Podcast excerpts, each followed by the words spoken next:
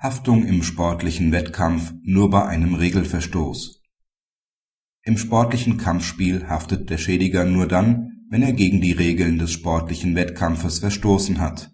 Eine Haftung für Verletzungen, die auch bei regelgerechtem Verhalten auftreten können, scheidet aus. Das Bestehen einer allgemeinen Haftpflichtversicherung spielt hierbei keine Rolle der Kläger begehrte vor dem LG aus unerlaubter Handlung gemäß § 823 Absatz 1 BGB Schadensersatz. Kläger sowie Beklagter spielten gegeneinander Fußball, beim Kampf um den Ball erlitt der Kläger eine Schien und Wadenbeinfraktur. Die Klage blieb in allen Instanzen erfolglos.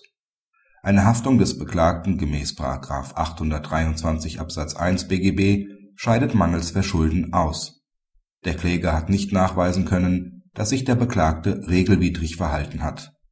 Eine Haftung wäre lediglich bei einem schuldhaften Verstoß des Beklagten gegen den sportlichen Wettkampf und einer daraus resultierenden Verletzung begründet.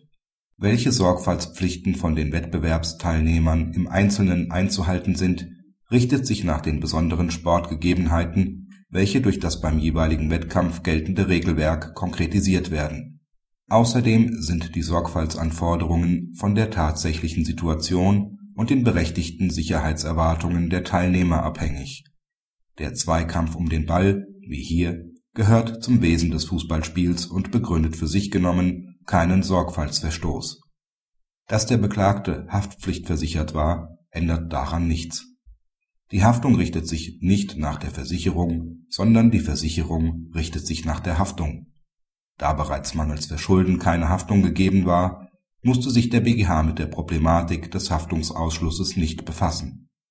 Praxishinweis In Abgrenzung zu der Entscheidung vom 29.01.2008 NJW 2008, Seite 1591, hat der BGH hier klargestellt, dass die Frage einer Haftungsprivilegierung unterschiedlich zu behandeln ist, je nachdem ob, wie im Kfz-Bereich, eine Haftpflichtversicherung besteht oder ob es um Fragen der allgemeinen Haftpflicht und das Bestehen einer allgemeinen Haftpflichtversicherung geht.